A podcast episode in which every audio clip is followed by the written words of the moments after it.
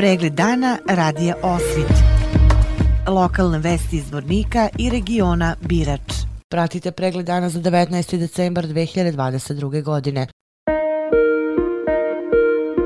Vodosled Rine opada na području Zvornika, očekuje se da će maksimalni protok vode preko brane malozvorničke hidroelektrane u večernjim časovima biti oko 1400 metara kubnih. U popodnevnim časovima se očekuje znatno smanjenje vodostaja reke Drine i samim tim povlačenje u korita na mestima gde se izlilo u Tršiću i Roćeviću. Što se tiče bujičnih vodotoka, oni su u svom prosečnom protoku i nema opasnosti od izlivanja i većih problema. Predstavnici službe civilne zaštite pratili su situaciju tokom vikenda, što se tiče poplavljenih područja, trenutno nije vršeno izvršena procena materijalne štete na poljoprivrednim zemljištima koja su poplavljena. Na sreću na ovim poplavljenim područjima nisu bili poplavljeni i ugroženi stambeni objekti, osim dva stambena objekta u kojima je voda ušla u garažu.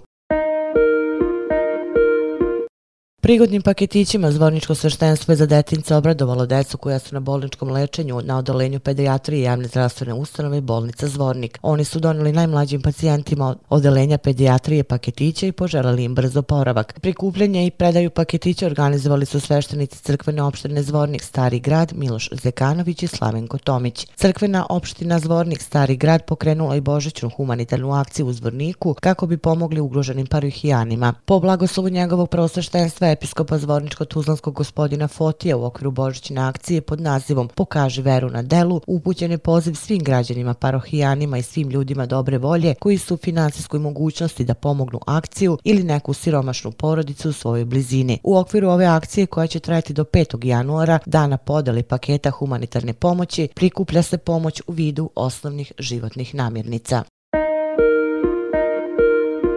U Zvorniku je pet političkih subjekata SNSD, SDS, SDA, Demos i Ujedinjena Srpska overilo prijavu za učešće na prevremenim izborima za gradonačelnika. Zahtevi za overu koalicija koji također mogu predložiti kandidata za izbor gradonačelnika podnose se Centralnoj izbornoj komisiji Bosne i Hercegovine zaključno sa sutrašnjim danom 20. decembrom. Imena svojih kandidata političke stranke i koalicije treba da prijavi zaključno sa 27. decembrom. Tada će se saznati njihova imena, rok za objavljivanje konačne liste kandidata je 16. januar 2023. godine. Redosledom aktivnosti za prevremene izbore za gradonačelnike koje je utvrdila Centralna izborna komisija Bosne i Hercegovine. Predizborna kampanja počinje 21. januara 2023. godine. Izbori će biti održani 5. februara, a izborna tišina počinje 24 sata pre otvaranja biračkih mesta. Elektronska obrada podataka po završetku glasanja treba da se obavi do 21 čas. Do tada treba da se završi prikupljanje obrazaca i unos rezultata. Objava prvih nepotvrđenih preliminarnih rezultata prema redosledu aktivnosti treba da usledi u ponoć u 24 časa. Birački odbori dužni su da dostave rezultate glasanja i kompletan birački materijal nadležnoj izbornoj komisiji najkasnije u 7 časova 6. februara. Utvrđivanje i objava rezultata prevremenih izbora Centralna izborna komisija Bosne i Hercegovine objavit će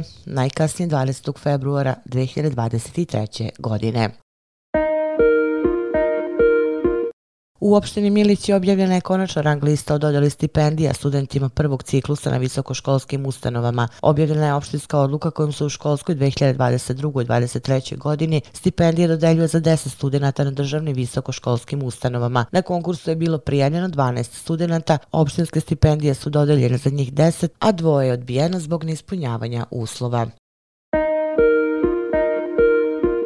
Vesti iz Loznice. O nekadašnjem jugoslovenskom gigantu hemijske industrije fabrici Viskoza biće snimljen dugometražni dokumentalni film Fabrika ne sme da stane. Film radi producentska kuća Talas Film iz Beograda, a režirat će ga Marko Nikolić. Opširnije na sajtu lozničkenovosti.com. Pregled dana radija Osvit. Lokalne vesti iz Vornika i regiona Birač.